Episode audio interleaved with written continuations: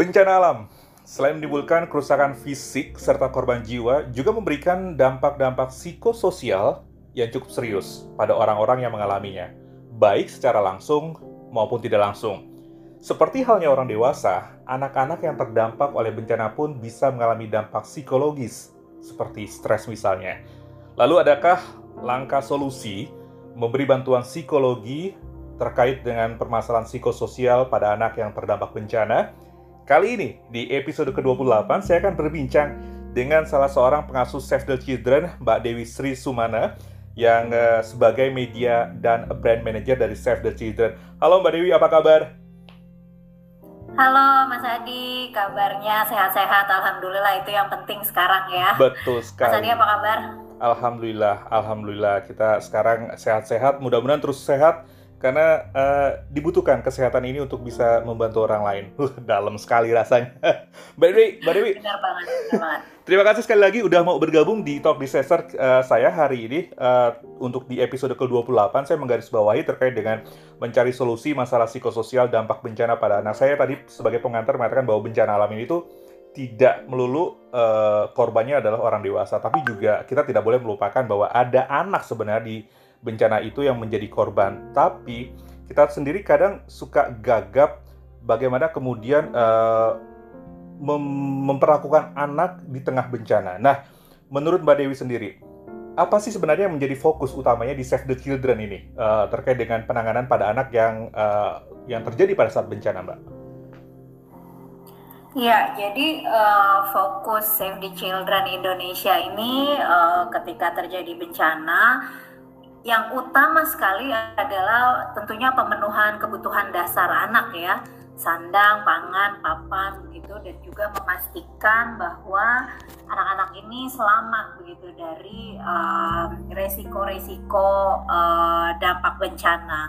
Nah, uh, tentunya juga uh, ini berkaitan dengan kita memastikan agar uh, dalam keadaan pasca bencana ini anak-anak tetap bisa tumbuh dengan sehat, mereka juga bisa belajar dengan baik dan berkualitas. Uh, mereka juga terlindungi dari kekerasan tentunya dan juga uh, yang tak kalah penting juga adalah anak-anak uh, diberi hak untuk berpartisipasi dengan uh, para orang dewasa mendengarkan suara anak nih dalam tanggap darurat bencana dan dalam fase uh, pemulihan itu penting sekali untuk kita bisa mendengarkan suara anak. Jadi kurang lebihnya itu sih mas uh, fokus penanganan yang dilakukan oleh Save the Children. Di sisi lain juga hmm, selain pemenuhan kebutuhan dasar, kita juga fokus pada upaya uh, meningkatkan resiliensi anak gitu ya uh-huh. uh, pasca bencana ini gitu ter, uh, terutama tadi uh, yang sudah Mas Adi sampaikan bahwa penting sekali dalam upaya meningkatkan resiliensi anak kita tuh dengan tepat bisa memberikan uh, layanan dukungan psikososial pada anak dari mulai dari satu kali 24 jam pasca bencana tentunya sampai dengan pemulihan seperti mm -hmm, itu. Mm -hmm, Oke, okay. tapi kalau misalkan tapi kalau misalkan pembunuhan dasar anak sendiri, Mbak, uh, ini uh, bisa menjadi uh, apa yang bisa diperoleh uh, dari Save the Children Indonesia di di di lapangan? Uh, Mas Adi, suaranya putus-putus boleh diulang, Mas? Ya, kalau yang uh, terkait dengan pemenuhan dasar anak sendiri, ini sebenarnya apa yang uh, biasanya ditemukan, uh, kendala yang biasa ditemukan oleh Save the Children Indonesia di lapangan? Ya, jadi temuan temuan-temuan kami di lapangan ya, kalau misalnya uh, pasca bencana ya, satu kali 24 jam, itu data tentang anak itu sangat minim sekali gitu uh, mostly data yang uh, terpapar uh, lebih dulu gitu ya. Misalnya terkait berapa rumah yang rusak berapa jalan yang rusak terus yang meninggal berapa gitu ya, hmm. uh, terus hmm. misalnya total korban secara menyeluruh, tapi yang spesifik angka tentang anaknya itu sedikit gitu. Kemungkinan tuh baru ada sekitar misalnya um, tiga kali apa uh, satu minggu gitu ya, secara komprehensif tuh datanya okay. baru ada gitu. Nah ini penting banget sebenarnya di tahapan awal pada saat semua pihak baik pemerintah maupun lembaga uh, atau organisasi gitu ya ataupun komunitas yang melakukan respon tanggap darurat bencana itu penting sekali mulai dari satu kali 24 jam ketika kita mendata itu mohon dimasukkan aspek pendataan anak misalnya terutama untuk uh, anak-anak uh, yang menjadi uh, penyintas ya dan mm -hmm. juga anak-anak yang Uh, lebih spesifik lagi misalnya karena bencana ini mereka kehilangan kedua orang tuanya atau mereka terpisah dengan orang tuanya atau misalnya uh, anak dengan disabilitas gitu ya. Atau misalnya juga anak di bawah uh, usia lima tahun gitu. Yang seperti ini yang harusnya bisa uh, terdata dengan cepat ya di di satu kali 24 jam atau tiga kali 24 jam gitu ya. Sehingga Eh, bantuan-bantuan uh, yang datang itu juga bisa sangat tepat sasaran dan langsung bisa memenuhi kebutuhan dasar anak seperti okay. itu. Jadi sebenarnya penting banget sih dengan um, uh, awalnya merespon itu adalah penggalian data mm -hmm. di mhm. mana asesmennya ini harus juga berfokus dan berpihak pada uh, anak. Oke, okay. tapi biasanya Mbak uh, kalau bencana itu awalnya itu selalu disibukkan dengan upaya penyelamatan. Nah, ketika kemudian ada kebutuhan khusus yang uh, di, diinginkan oleh Save the Children gitu, uh, Save the Children Indonesia untuk concern terhadap anak, ini apakah golden time-nya ini satu kali 24 jam itu saklek atau perlu harus ada extend 3 kali 24 jam? Memang kenapa setelah uh, lewat dari 3 kali 24 jam? Apa yang akan terjadi pada anak? Iya, artinya ini penting juga ya bahwa uh, seperti tadi yang disampaikan di awal ya kan anak adalah salah satu kelompok rentan. Mm-hmm. Kelompok rentan itu artinya kelompok yang paling uh, membutuhkan bantuan gitu. Jadi tidak boleh ditunda gitu. Betul, memang satu kali 24 jam misinya adalah penyelamatan. Artinya yang perlu diselamatkan juga anak-anak gitu. Semakin sedikit semakin sedikit data yang kita temukan untuk anak-anak, maka responnya juga akan sedikit dan responnya juga akan lebih lambat begitu. Contoh misalnya ya uh, dalam respon uh, bencana misalnya uh, terkait dengan uh, penampungan ya, penampungan sementara gitu. E, ketika kita tidak mempunyai data berapa jumlah balita yang ada atau misalnya anak-anak yang terpisah dengan keluarganya atau dengan orang tuanya, maka jadinya uh, penampungan sementara yang dibuat itu akan sangat general gitu. Mm -hmm. Padahal mhm. kebutuhan anak sangat inklusif ya, uh, harus segera tertangani juga gitu. Artinya sesegera mungkin ya, sesegera mungkin iya. uh, respon yang dilakukan juga harus berpihak pada anak sih. Gitu, Oke. Okay. Nah kalau misalkan, ada hal yang, yang miss gitu dalam dalam dalam, penanganan di lapangan, apa yang kemudian menjadi concern dari Save the Children sendiri? Pihak-pihak mana saja yang uh, perlu dilibatkan dalam dalam kerja teman-teman di Save the Children Indonesia? Iya, nah uh, praktik yang uh, praktik baik yang uh, sering kali dilakukan ya di respon bencana di Indonesia ini. Uh, jadi memang Save the Children bersama dengan lembaga-lembaga lain yang fokus uh, terhadap pemenuhan hak anak, tidak uh -huh. hanya mhm. Save the Children ya. Ada misalnya Plan Internasional, ada CARE, ada Wahana Visi gitu ya. Kami bersama-sama biasanya uh, melakukan namanya joint need assessment di mana di joint need assessment ini atau pendataan bersama uh, kita sangat fokus terhadap pendataan uh, yang berkaitan dengan anak gitu. Uh, nah dari data joint need assessment ini kita mengeluarkan rekomendasi di mana rekomendasi itu yang biasanya akan digunakan oleh pemerintah untuk melakukan respon gitu ya. Jadi uh, joint need assessment ini juga sangat penting dilakukan di awal di fase awal gitu ya mhm. supaya kebutuhan anak bisa tep, tep, apa secara cepat di terpenuhi gitu secara cepat dan tepat terpenuhi itu yang biasa dilakukan praktiknya di Indonesia ya dengan mhm. organisasi-organisasi pemenuhan hak anak. Di sisi lain, uh, subcluster subcluster kan langsung diaktifkan ya biasanya ya. Okay, meskipun yeah. tidak satu kali 24 jam gitu. Uh, karena kan juga ya karena bencana biasanya uh, infrastruktur rusak dan uh, apa namanya jalan putus gitu ya susah. Terus juga uh, terkadang uh, flight tidak tidak bisa gitu ya penerbangan yeah, yeah, seperti yeah. itu.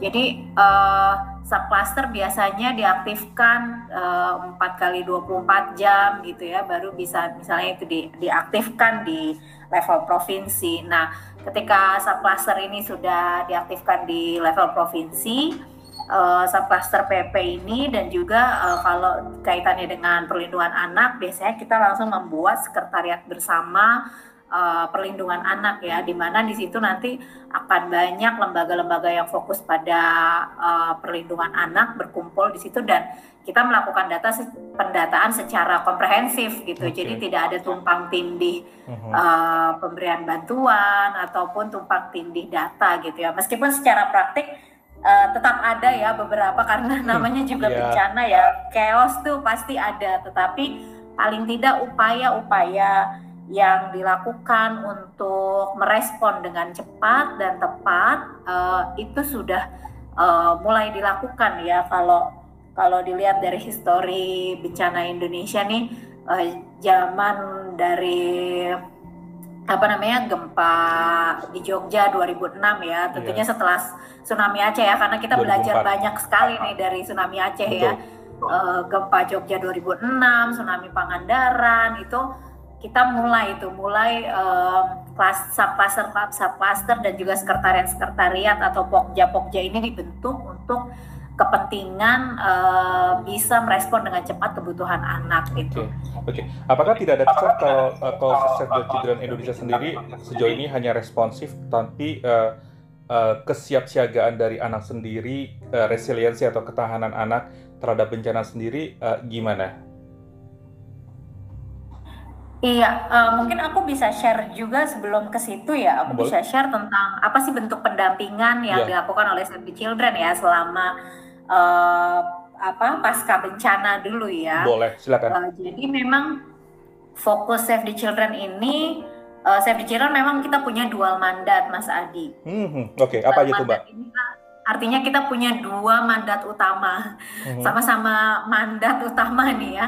Yang pertama adalah mandat kami uh, upa kami harus memastikan pemenuhan hak hak anak dalam situasi darurat, artinya bencana dan krisis. Okay. Lalu yang yang mandat yang eh, berikutnya adalah uh, kami harus memastikan uh, upaya pemenuhan hak hak anak uh, dalam situasi normal dan ini biasanya kami kembangkan dalam program-program development. Hmm. Nah, dua mandat ini tentunya uh, humanitarian action atau tangkap darurat bencana itu jadi mandat utama kami. Jadi yang dilakukan oleh Save the Children uh, ketika terjadi bencana uh, di Indonesia Uh, kami langsung satu kali 24 jam menerjunkan tim gitu ya di lokasi bencana jika uh, loka lokasi itu tidak ada kantor Save the Children, pasti. -huh. kami langsung menerbangkan staff dari lokasi yang paling terdekat. Contoh misalnya ya uh, Palu tiga tahun yang lalu, yeah. kami kan tidak ada kantor di Palu ya.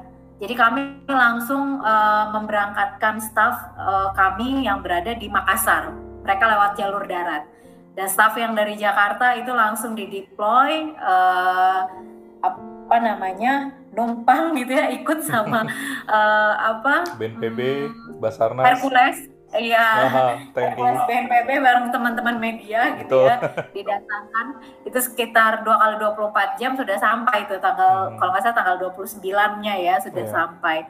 Jadi um, saat itu juga biasanya kami melakukan koordinasi, langsung melakukan asesmen gitu ya terhadap uh, kebutuhan-kebutuhan anak. Nah dari hasil asesmen itu uh, beberapa program kami lakukan. Di antaranya adalah yang pertama tentunya program untuk uh, kebutuhan bantuan uh, dasar anak ya, mm-hmm. seperti misalnya distribusi bantuan non pangan. Itu biasanya okay. kita langsung distribusikan ke tenda-tenda uh, pengungsian gitu ya. Uh, lalu juga kami biasanya juga mendistribusikan air uh, air bersih gitu untuk pasokan air bersih di tenda-tenda pengungsian. Lalu juga uh, kami um, memberikan layanan kesehatan dan nutrisi. Lalu juga uh, kami segera mungkin itu mendata anak-anak untuk program layanan pendidikan dalam situasi darurat, um, perlindungan anak dalam situasi darurat, serta uh, penguatan resiliensi remaja. uh, lebih besar lagi, uh, seperti di Palu gitu ya, kami melakukan uh, program uh, shelter dan pembangunan infrastruktur dalam hal ini uh, bekerja sama dengan pemerintah setempat gitu ya untuk uh, bisa memastikan setiap anak dan keluarga mendapatkan hunian yang layak seperti okay. itu. Okay. Nah, uh, kaitannya sama tadi kalau pendidikan dalam situasi darurat, mm -hmm. uh, ini juga penting nih, Mas. Harus. Jadi kalau tadi di ya kalau tadi Mas Adi membuka tentang pentingnya dukungan psikososial gitu ya. Nah, yeah pendidikan juga tak kalah penting begitu karena uh, pendidikan anak-anak uh, bersekolah gitu ya. Ini di luar konteks uh, sekarang ya waktu pandemi ya. Betul ini ya mungkin betul. saya menceritakan konteks bencana uh, beberapa waktu lalu ya. Bahwa uh, aspek sekolah itu kan menjadi sangat penting buat anak-anak karena mereka jadi berinteraksi bersosialisasi begitu ya. Ketika mereka terguncang karena gempa uh, terguncang karena bencana gitu ya mereka mengalami ketakutan yang mendalam kesedihan yang mendalam maka penting layanan dukungan psikososial itu diberikan tidak hanya di eh, tenda-tenda uh, pengungsian tetapi hmm. juga memastikan lewat uh, akses pendidikan jadi kalau di Save the Children uh, kami sebut pendidikan dalam situasi darurat ini kami punya dua tujuan kami sebutnya zero zero goals, Mas Adi. Zero. Jadi zero goal. Zero zero goal. Oke. Okay. Jadi zero yang pertama itu zero nol ya. Hmm. Zero yang pertama adalah tidak ada anak yang meninggal atau terluka karena bencana. Oke. Okay. Terus zero yang kedua adalah tidak ada hari yang hilang. Hari yang hilang nih hari pen, hari belajar mereka yang hilang gitu ya hmm. karena bencana. Jadi dalam sektor pendidikan uh, dua tujuan besar kami itu. Jadi uh, tidak boleh ada anak yang luka dan meninggal, terutama di di situasi belajar gitu ya, misalnya di sekolah karena bencana. Lalu yang kedua juga tidak ada anak yang uh, kehilangan hari belajarnya karena bencana. Artinya dalam situasi darurat pendidikan ini tetap harus berjalan gitu. Oke. Okay. Nah, um, selain di masa selain uh, yang berkaitan dengan situasi daruratnya uh, kita kan harus bicara tentang sustainability-nya ya. Pasti. Di fase pemulihan. Nah uh, bridging dari masa darurat ke fase pemulihannya Save the Children ini uh, kami biasanya bekerja sama dengan Dinas Pendidikan, Kementerian Agama uh, setempat gitu ya untuk memastikan adanya pendidikan pengurangan resiko bencana okay. di sekolah-sekolah hmm, hmm, yang terintegrasi antara sekolah dengan uh, masyarakat dan juga tentunya uh, aparatur masyarakat terdekat ya misalnya dalam hal ini desa seperti itu jadi okay. itu juga penting karena uh, pasca bencana ini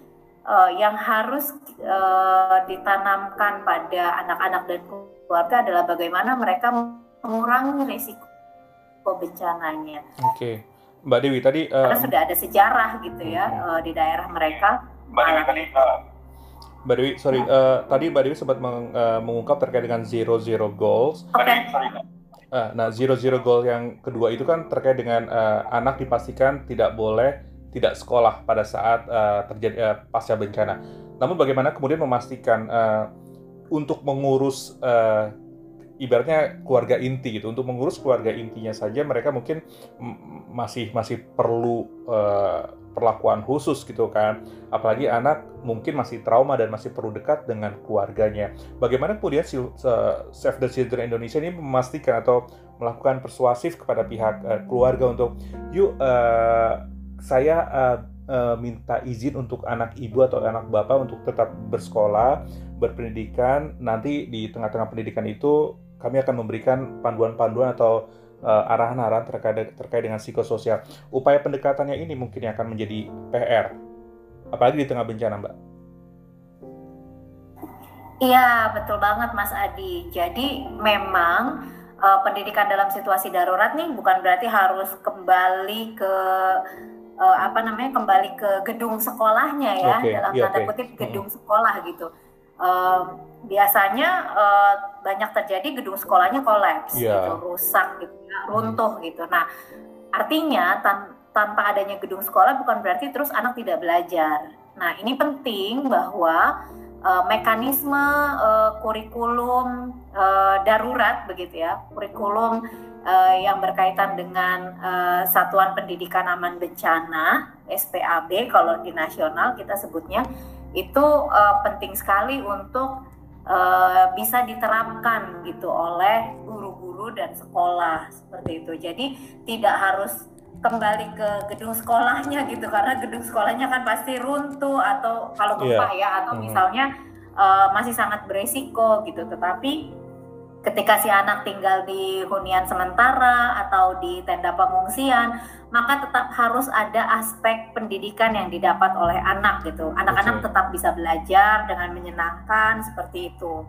Karena kalau tidak uh, hanya berdiam diri di huntara gitu ya atau hanya berdiam diri di tenda pengungsian tanpa ada kegiatan apa-apa pun anak-anak justru tadi seperti hmm. yang Mas Adi sampaikan bisa uh, mereka uh, mengalami ketakutan, kesedihan yang mendalam gitu ya. Kita tidak boleh bilang trauma ya karena labeling trauma itu hanya boleh uh, diberikan oleh profesional gitu. Okay, okay. Jadi uh, dengan adanya kegiatan belajar ini, ini bagian dari dukungan uh, layanan dukungan psikososial gitu, kegiatan belajar dan bermain. Oke. Okay. Hmm. Tapi uh, kalau misalkan psikososial yang uh, mungkin masyarakat umum pahami adalah uh, psikososial ini bagian dari bantuan uh, psikologi, terus terapi-terapi uh, traumatik untuk pada anak. Apakah ini yang dimaksud halnya sama dengan apa yang diberikan oleh teman-teman dari Save the Children Indonesia terkait dengan pendampingan psikososial di Zero Zero Goals yang kedua ini? Iya, uh, itu dalam aspek pendidikan gitu ya. Artinya okay. uh, dalam situasi bencana uh, dalam respon bencana itu harus terintegrasi gitu ya. Okay. Kalau layanan dukungan psikososial itu kan uh, kalau berdasarkan uh, program berarti itu masuk di program perlindungan anak gitu ya. Mm -hmm. Tetapi misalnya kalau tadi yang berkaitan dengan tidak boleh ada anak yang kehilangan hari belajarnya itu adalah program pendidikan. Nah, antara program pendidikan dan program perlindungan anak ini harus blended, harus terintegrasi. Okay. Artinya di pendidikan pun dalam situasi darurat itu harus ada uh, unsur layanan psikososialnya gitu. Kayak gimana sih, Mbak? Contoh, ya? Kayak gimana sih seperti biasanya kalau kita lihat-lihat tuh uh, anak korban bencana diberikan trauma healing bermain uh, bersama pendamping atau relawan seperti itu. Apakah itu yang memang ya. harusnya seperti itu? Ya atau... betul betul. Itu hmm. salah satunya mas. Itu salah satunya. Jadi misalnya uh, bentuk uh, layanan psikososialnya adalah anak-anak uh, bermain bersama belajar bersama atau misalnya ada sesi uh, apa ya curhat gitu okay, ya. ada ya. Uh, uh, itu bentuk layanan psikososial yang bisa bisa diberikan gitu mm-hmm. atau sesederhana misalnya uh, apalagi uh, di fase-fase awal ya 1 sampai 7 kali 24 jam ini uh, penting sekali anak-anak diberikan uh, PFA ya psychological first aid mm-hmm. atau uh, pertolongan pertama gitu ya pada uh, psychological jadi ini penting banget sesederhana 3L nih Mas, look, listen, link. Look. Bagaimana kita bisa look, listen, link. Okay. Bagaimana kita bisa uh, melihat, mengobservasi kondisi anak ya. Ini penting banget untuk relawan-relawan mungkin yang dengar podcastnya Mas Adi ya. Mm-hmm. Uh, yang bisa dilakukan dalam PFA ini adalah tiga hal look, listen, link. Look ini misalnya bagaimana kita mengobservasi gitu ketika kita misalnya menjadi uh, relawan atau kita menjadi seseorang yang di deployment di lokasi bencana itu juga bisa teman-teman media juga gitu ya. Bagaimana teman-teman bisa mengobservasi melihat keadaan sekitar? Apakah uh, ada anak yang memang uh, secara psikologis membutuh memerlukan bantuan gitu? Mm -hmm. misalnya anaknya menyendiri atau menangis terus-menerus sendiri gitu ya atau misalnya sangat butuh perhatian orang dewasa kayak gitu ya. Nah, uh, L yang keduanya adalah listen gitu atau mendengarkan. Artinya uh, ketika kita uh, setelah kita tadi melihat, mengobservasi dan ada anak tersebut, kita bisa uh, mendengarkan apa yang uh, menjadi keluh kesah si anak atau kebutuhan si anak gitu ya sebatas mendengarkan dan uh, memberikan rasa empati gitu kita mm -hmm. kepada si anak menunjukkan rasa empati kita pada si anak okay. nah L yang ketiga adalah link, link atau menghubungkan uh, tentu siapa pun gitu ya, entah itu relawan, media atau uh, misalnya staff yang di deployment tidak mungkin bisa merespon segala-galanya gitu. Pasti kita punya keterbatasan. Nah, ketika misalnya kita sudah look, listen, sudah melihat, mendengarkan dan ternyata ada hal-hal yang tidak bisa kita lakukan, maka penting sekali untuk merujuk.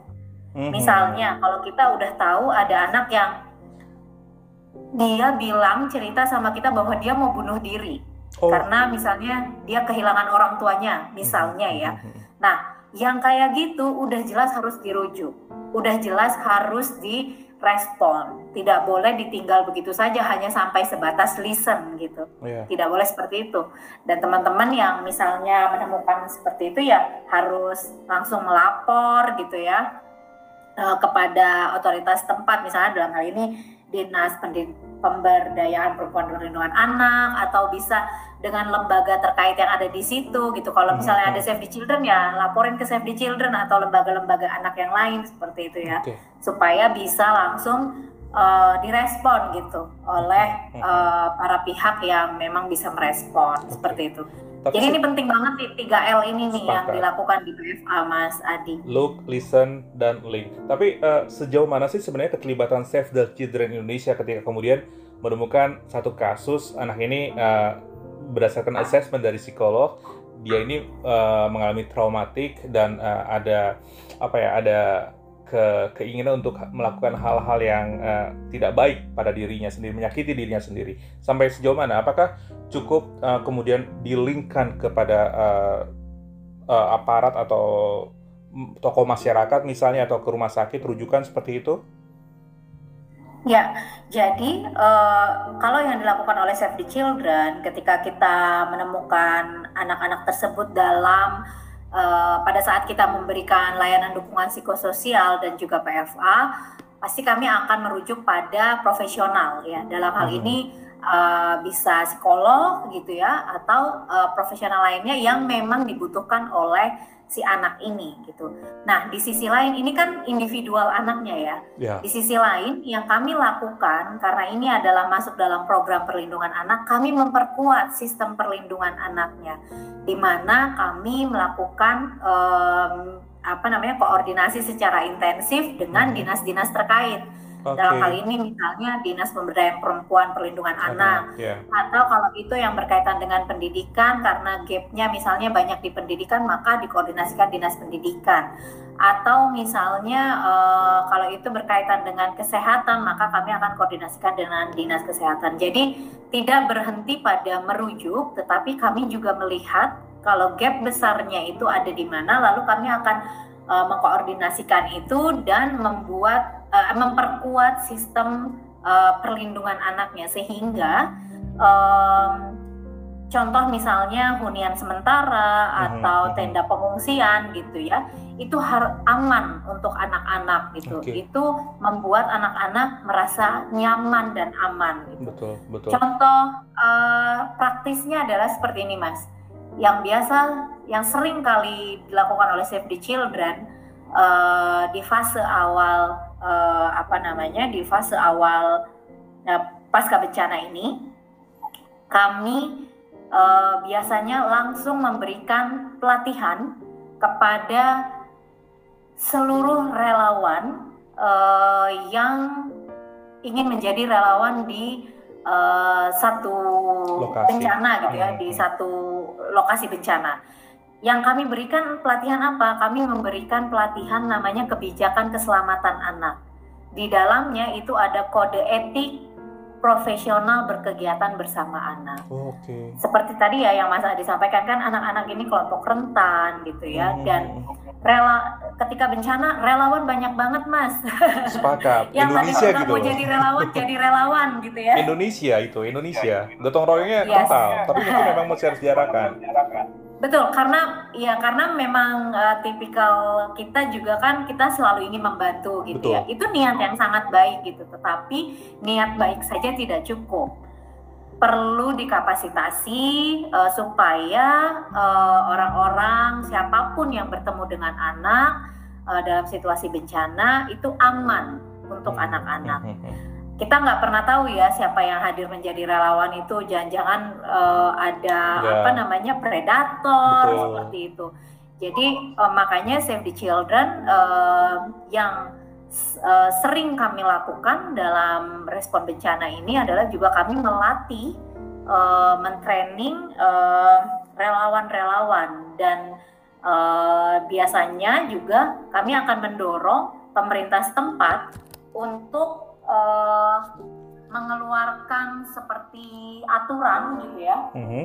Uh, dalam penanganan bencana ini bahwa relawan yang datang itu harus menandatangani kode etik. Oh, Oke. Okay. Kode etik profesional berkegiatan bersama anak. Enggak cuma contoh, sekedar datang ya. Betul, contoh misalnya, mereka tidak boleh berkegiatan bersama anak sampai dengan larut malam.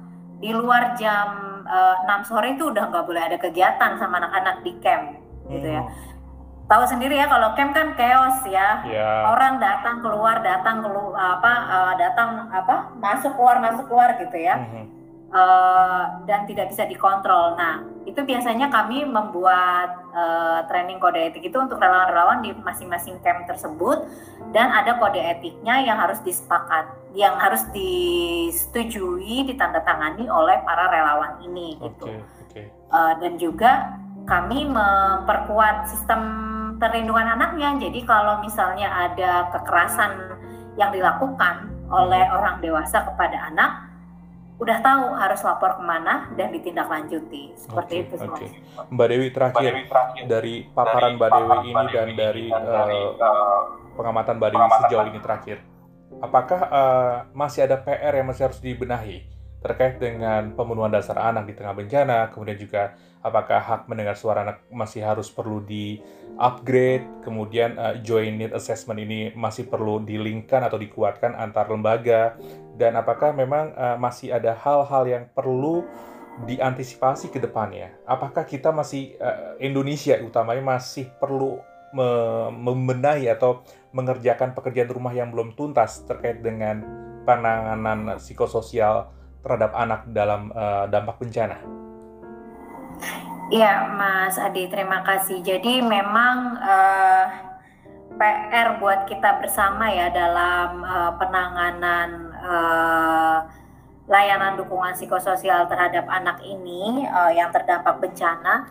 Yang paling penting sekali yang pertama adalah pendataan yang cepat dan tepat, terutama pada kebutuhan uh, anak ya, dan juga kebutuhan uh, psikologis anak gitu Uh, yang kedua, penting sekali para relawan, siapa pun pihak yang ingin terjun ke lokasi bencana itu diberikan pelatihan bagaimana memberikan uh, psychological first aid. Karena uh, mau siapa pun yang terjun ke lokasi bencana, mereka pasti akan bertemu oleh akan bertemu oleh affected people ya, mhm. orang-orang yang terdampak uh, mulai dari anak-anak sampai dengan uh, lansia gitu ya. Jadi penting sekali untuk uh, sebelum menerjunkan tim itu perlu di training dulu gitu timnya. Jadi itu sangat penting gitu ya. Yang kedua, yang ketiga, uh-huh. uh, ini menjadi uh, PR besar juga ya bagaimana setiap pihak bisa memastikan dan memberikan ruang yang aman dan nyaman bagi anak terutama uh, di situasi-situasi darurat seperti tenda pengungsian atau huntara begitu. Jadi sangat harus mengikuti uh, standar SPIR ya, standar minimum pemberian bantuan begitu uh, agar uh, pemberian bantuan ini tepat sasaran dan juga uh, bisa memenuhi kebutuhan-kebutuhan uh, kelompok rentan terutama anak-anak. Baik. itu. Tiga itu berarti ya pendataan data anak terkait dengan kebutuhan psikologis anak ini paling enggak di golden time satu kali 24 jam atau enggak tiga kali 24 jam. Kemudian juga para relawan juga mesti harus uh, diberikan uh, kapasitasi terkait dengan psikologi first aid karena juga masih harus dikasih pengetahuan terkait dengan link, uh, look, listen, link, kemudian juga para pemberi kebijakan juga harus uh, memberikan ruang aman dan nyaman pada anak. Bukan begitu, Mbak Dewi? Yes, tepat sekali. Betul, Mas. Baik. Mbak Dewi, Sri Sumana sebagai media dan uh, brand manager Save the Children Indonesia, terima kasih sekali lagi saya ucapkan udah mau berbagi terkait dengan bagaimana sih penanganan psikososial uh, dampak bencana pada anak untuk uh, Talk Disaster episode ke-28 ini. Kita sih berharap uh, uh, pendengar Talk Disaster ini bisa memahami bahwa masih ada PR yang masih harus dikerjakan karena sekali lagi uh, bencana alam itu dampaknya nggak cuma uh, dialami oleh orang dewasa tapi kelompok rentan terutama anak-anak juga bisa mengalami dan perlu harus dikelola stresnya traumanya harus dikelola agar kemudian uh, anak-anak ini korban bencana bisa hidup tanpa uh, ada pengalaman buruk pada masa kecilnya. Seperti itu kan Mbak Dewi? Atau ada lagi yang ingin ditambahkan? Ya Mas Adi cukup intinya mari kita lebih berpihak pada anak dalam situasi darurat. Oke, kita harus berpihak terhadap anak dalam kondisi darurat. Itulah Talk Disaster kita di episode ke-28 mencari solusi masalah psikososial dampak bencana pada anak yang kali ini saya berwawancara dengan Mbak Dewi Srisa Sumana sebagai media dan brand manager Save the Children Indonesia. Sekali lagi terima kasih Mbak Dewi atas waktunya. Sehat-sehat selalu. Mas Adi, sehat-sehat, sukses selalu Sehat selalu. Siap. Salam buat teman-teman Save the Children Indonesia. Lain waktu kita bisa mengisi konten lagi untuk Talk Disaster. Siap, siap. Okay. Terima kasih. Demikian top di sesar kita di episode ke-28 ke episode ke-28 mencari solusi masalah psikososial dampak bencana pada anak. Feel free untuk berdiskusi dengan saya di Instagram uh, prihadi underscore adi. Kita akan uh, berdiskusi lagi lain waktu. Saya Prihadi Adi ucap terima kasih dan pamit undur diri. Sampai jumpa. Kita akan balik ke konten Talk Disaster lainnya. Assalamualaikum warahmatullahi wabarakatuh. Mbak Dewi, sekali lagi terima kasih. Makasih ya Mas Adi.